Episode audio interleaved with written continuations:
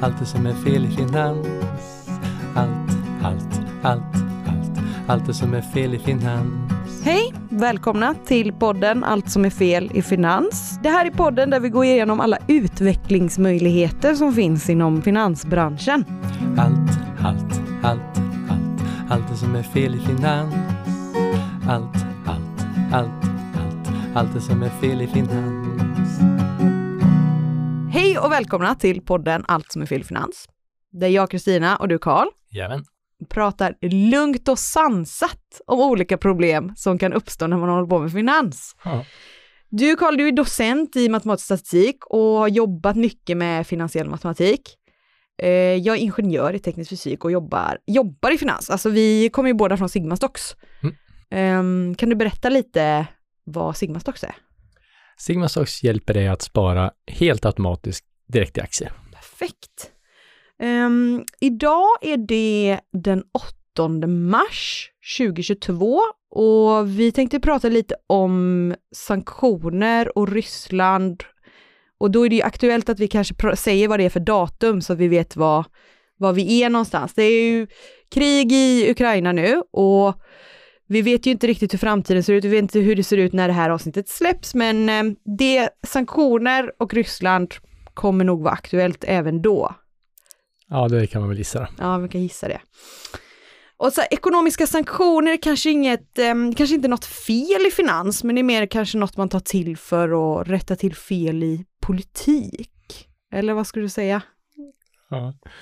Alltså sanktioner innebär alltså begränsningar i handelsfriheten för, för stater, grupper och individer. Då. Och syftet med sanktioner är att påverka med ekonomiska medel.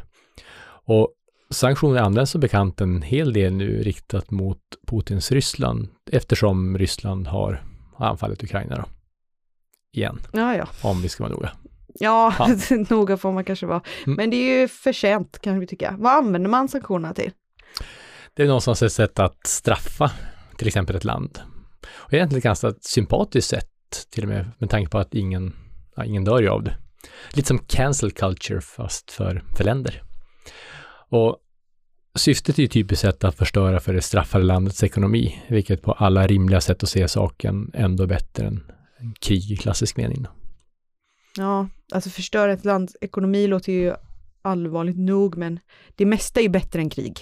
Ja, att inte dö är trots allt ingen liten fördel. Liksom. Ja, jag håller med. Sanktioner känns mer civiliserat. Ja, men så är det absolut. Liksom. Så det är inte konstigt att sanktioner blivit the weapon of choice nu när västvärlden på goda grunder vill ändra Putins kalkyl och göra det till en uppenbart dålig affär att de försöker ta ytterligare ett stycke av Ukraina. Mm, Du syftar på Krim. Yes, den biten snodde de i 2014 och innan de anföll nu nyligen så avfärdade Putin i vanlig ordning alla anklagelser om en förestående attack som befängda. Liksom, vart får de allt ifrån liksom? Men allt sånt där snack fick ju ett, ett slags liksom inte ens rolig Bagdad Bob-effekt när Putin placerat hund, över 150 000 soldater längs Ukrainas gränser mot både Belarus, Krim och, och Ryssland. Mm, vem var nu Bagdad Bob, om man inte kommer ihåg exakt? Han hette inte det då, men han kallade sig, han var, informationsminister i Saddam Husseins Irak och gjorde sig känd under USAs invasion av Irak 2003 för att på ett ofta ofrivilligt komiskt sätt beskriva Iraks stora exempellösa framgångar i det pågående kriget när det helt enkelt inte fanns några alls. Det gick ju Mm. rådåligt för dem. Ja, men det är svår uppgift ändå, vara informationsminister åt Saddam Hussein. Ja, alltså, ja, det får man ju ändå igenom liksom. Men i alla fall, på något sätt var ju Bagdad Bob-historien sista gången som i alla fall jag kommer på när, när folk lite till mans skrattade öppet åt politiker för att de ljög. Numera har väl lögner och fultolkningar av motståndare och cherrypicking av data blivit rätt vanligt i politiken. Ja, det är ju tråkigt kan man ändå tycka. Samtidigt kan man ju se det positivt va? Mm. Till exempel att nu för tiden kan ju till och med Twitter-troll bli minister. Så att det är liksom, ja men anyway. Ja. Eh, Tillbaka till Ryssland. Putin placerade alltså över 150 000 soldater med tillhörande materiel och krigslogistik vid Ukrainas gräns. Och även om Lavrov och Putin ihärdigt påstod att alla som tänkte att det här på något vis skulle upplevas som hotfullt och som var paranoida, så upplevde såklart alla det som, ja, du vet, motfullt. Mm. Och det har såklart inte blivit bättre efter att Putin har anfallit och hotat omvärlden med kärnvapen. Ja, shit alltså. alltså förbereder sig världen på liksom ett vidare krig nu då med fler in, inblandade? Jag vet inte, man är i alla fall observant då. och även om det allra värsta, ett tredje världskrig, inte inträffar så kan det ändå bli riktigt illa, nämligen en fortsatt rysk invasion av Ukraina. Mm. Västvärlden med USA i spetsen har ju såklart svårt att sätta in egna marktrupper i Ukraina mot Ryssland. Dels på grund av att det inte är jättelätt att sälja en krig till den egna befolkningen. Men dels för att det är riktigt spänt att tänka sig att till exempel USA och Ryssland skulle kriga direkt mot varandra. Tidigare konflikter har stått på olika sidor, till exempel Vietnam, så var ju, var ju typiskt sett lite mer krig by proxy då. Så Ryssland tänker nog antagligen helt riktigt att de inte kommer att behöva möta västeuropeiska eller amerikanska soldater i Ukraina. Mm. Så vad ska gärna göra för att dels slippa kriga, dels straffa Ryssland på ett kännbart vis? Ja, det är ju sanktioner ett bra Mm. alternativ. Då. Hur har du tänkt kring sanktionerna då? Ska vi in på det? I thought you'd never ask. ja. Syftet med sanktioner är som sagt att sänka den straffades ekonomi och som straff betraktat har det dessutom antagligen blivit mer effektivt med åren. Mm. Hur menar du mer effektivt?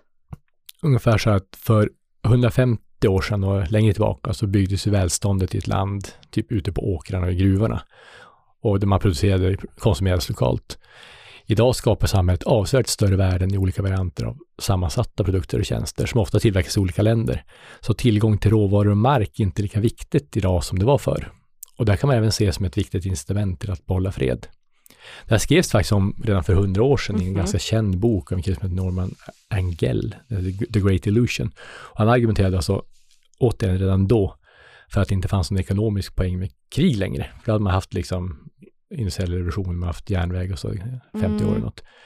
Men, men liksom att det är alltså inget argument för att det inte ska kunna hända Nej, det krig. Nej.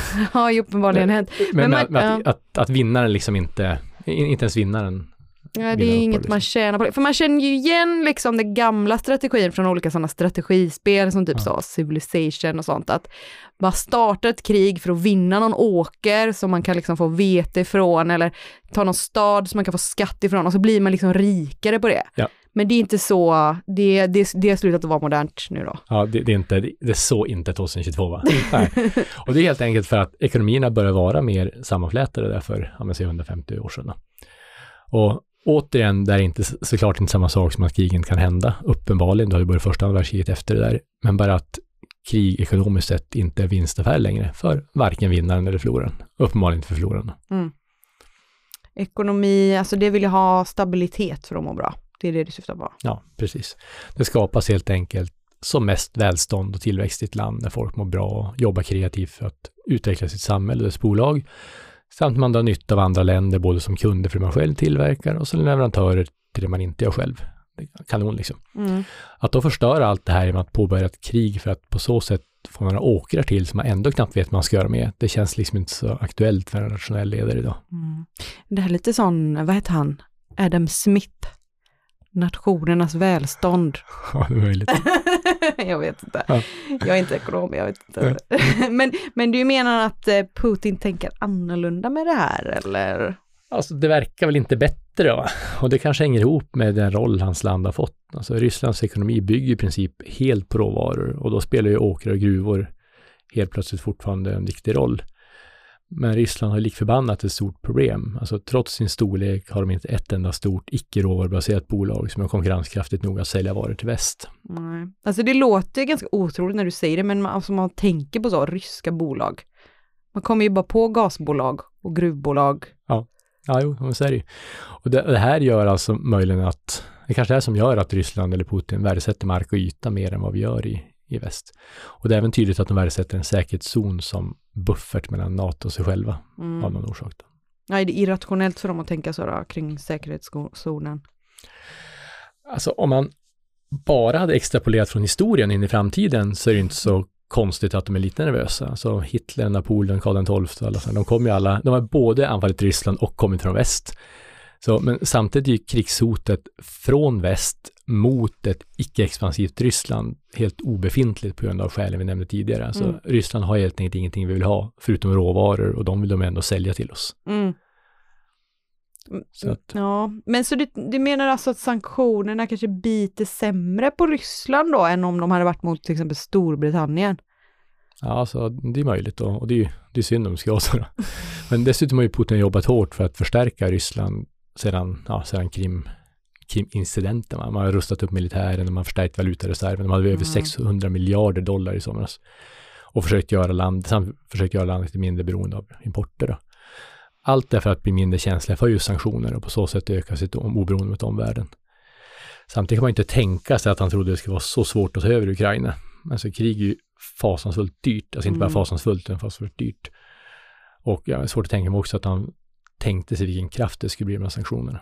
Nej, så att de, eh, alltså de dollar som han har lagt på hög då, de, de räddar honom inte? Ja, det lär inte göra. Han kommer knappt ens åt dem nu för de, de, de uh, har ju hindrat honom för det.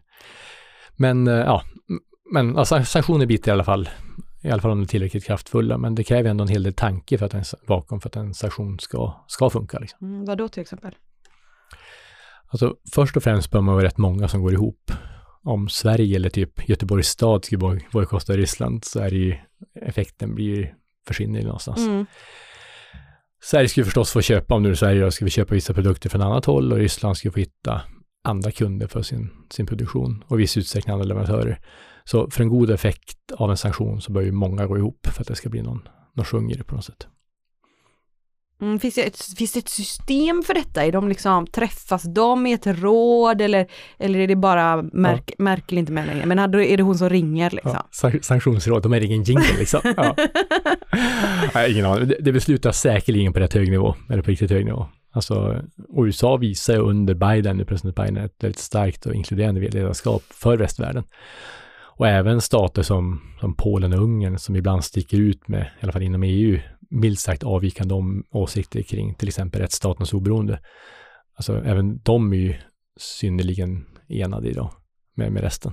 Mm. Och det beror såklart inte nödvändigtvis på sympati med Ukraina just, utan kanske även till en del att, att Polen och Ungern är rädda för att själva återigen bli en del av en rysk säkerhetszon. Mm. Ja, de är ju trots allt grannländer. Jag tror att vi hade reagerat med både sympati och oro för oss själva om Ryssland hade invaderat Finland. Ja, jo, det är klart att lite nervösa har de blivit. och alltså alldeles säkert tycker de förstås synd om Ukraina också, men de är nog även rädda för egen del. Mm. Men vad händer med det som gör sanktionerna då? Det händer ju saker med dem också. Mm. Det som minns från fysiken, alltså det man mäter påverkar man. Mm. Problemet är att allt som någon köper från Ryssland är sånt som den köparen faktiskt vill ha. Ja. Och det är synd. Det låter ju logiskt. Det ja. brukar vara så, eller ibland så man handlar saker från typ Wish så kan man ibland få någonting som man inte vill. Inte ha. Den vill jag inte ha. ja, men det, det, är klart det är lite logiskt. Och det innebär alltså att en sanktion eh, som innebär att Ryssland till exempel inte får sälja naturgas till Europa. Det låter ju som ett alldeles lysande alternativ för Portugal säkert. Medan tyskarna som värmer sina hus med rysk gas på vintern, liksom, de är inte lika tända på den idén. Något annat land å andra sidan kanske inte vill stänga ute Ryssland från internationella betalningssystemet Swift, för då kan Ryssland inte köpa betala kuponger på de obligationerna som de har köpt och sådär. Mm. Men kan du bara kort eh, berätta vad Swift är för något? Det är min mamma har undrat det. Ja, det korta, jag vet knappt själv. Det, är en sorts en kooperativ global organisation som sköter finansiella transaktioner mellan bland annat banker och ah, ja, okay. Det är så man kan betala räkningar ja, utomlands liksom? Ja, typ va. Mm. mm. Men man måste alltså, man måste alltså uppoffra någonting om man ska, om det ska kännas med sanktionerna. Ja, ja men precis. Och det, det finns ju absolut tydliga nackdelar med att sanktionera en hel ekonomi. Även om väst i det här fallet tycker att fördelarna klart överväger. Ja, det måste ju påverka det ryska folket mycket också. Uh, alltså om man sanktionerar hela ekonomin och det är ju till stor del ganska oskyldiga det här. Ja, alltså det är klart att det är tungt för dem också. En enklare typ av sanktioner är ju såklart att gå direkt mot enskilda personer, alltså typ Putins polare, oligarkerna. Så Att hindra dessa från att typ resa, man, man tar deras typ superyachts eller flyga privatplan eller man hindrar dem att skicka sina barn till Harvard det kan man liksom hoppas att det ska ha en viss effekt på, på pressen Putin känner att inte fullfölja ockupationen av Ukraina. Men det är ju långt ifrån säkert. Mm, ja, men det tycker jag låter jättebra. Vi beslagtar Chelsea bara. Ja, fotbollsklubben? Ja. ja. Abramovic, han vill ändå sälja så det löser sig någon dag. Liksom. Ja, men då får de väl beslagta de pengarna han tjänar på att sälja då. Så ja. det är lite... ja, ja, ja. ja. Vad ska vi göra med alla båtar? Vad ska, man, vad ska man göra med dem? Öppna student, studentlägenheter. studentlägenheter. Det finns ingen annan, ingen annan möjlighet. Liksom. Ja, Ja, men poängen här är i alla fall att de här sanktionerna måste vara riktigt vattentäta. Och det förstår man ju till man skulle sanktionera mig. Alltså det är ju till exempel en enorm skillnad på någon skulle hindra mig från att använda ett av mina betalkort. Eller om någon skulle hindra mig och min familj för att använda något av våra betalkort. Alltså det är liksom, ska man komma åt oligarkerna måste man se till att komma åt dem på ett effektivt vis, för annars Mm. blir det liksom bara meningslöst. Precis. Men vad är, är det något som är annorlunda idag jämfört med, jämfört med hur det var med Krim?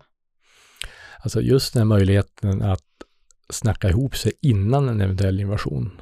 Det var antagligen en jättefördel för väst idag jämfört med Krim 2014, då man fullständigt togs på sängen.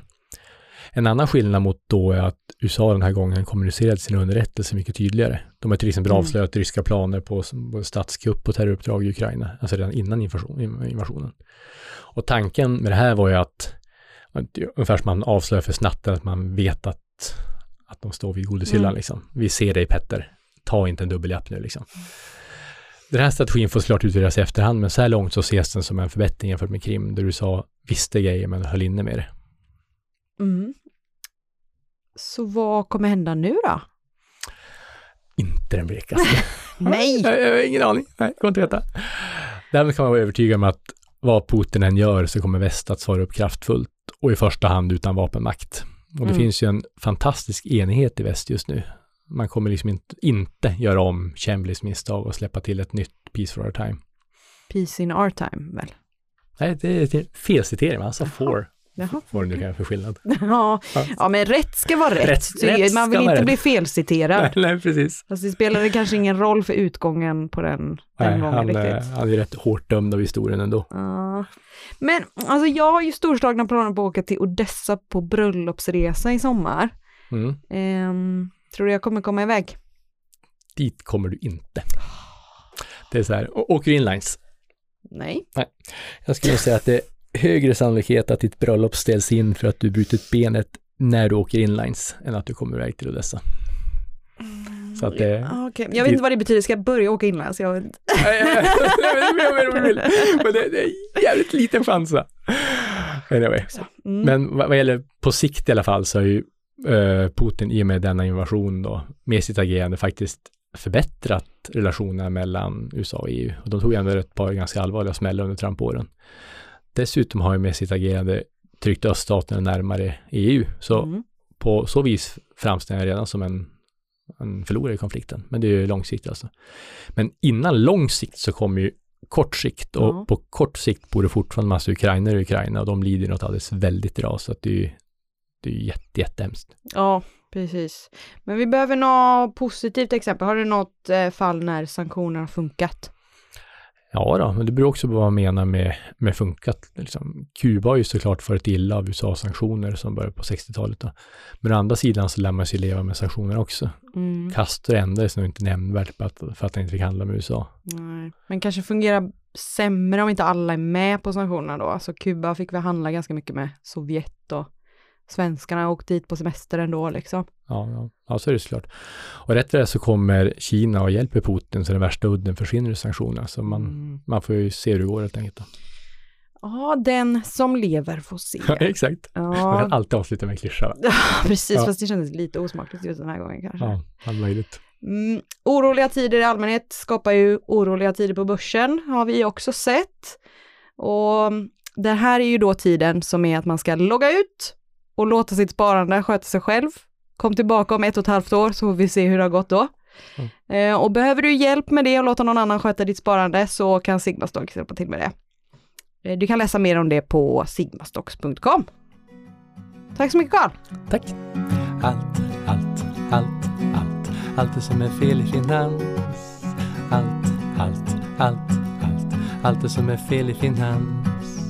Följ Sigmastocks på Instagram, at Sigmastocks och lämna förslag på vad jag och Carl kan prata om i kommande avsnitt. Allt, allt, allt, allt. Allt det som är fel i finans. Allt, allt, allt, allt. Allt det som är fel i finans. En poddproduktion av Fredag.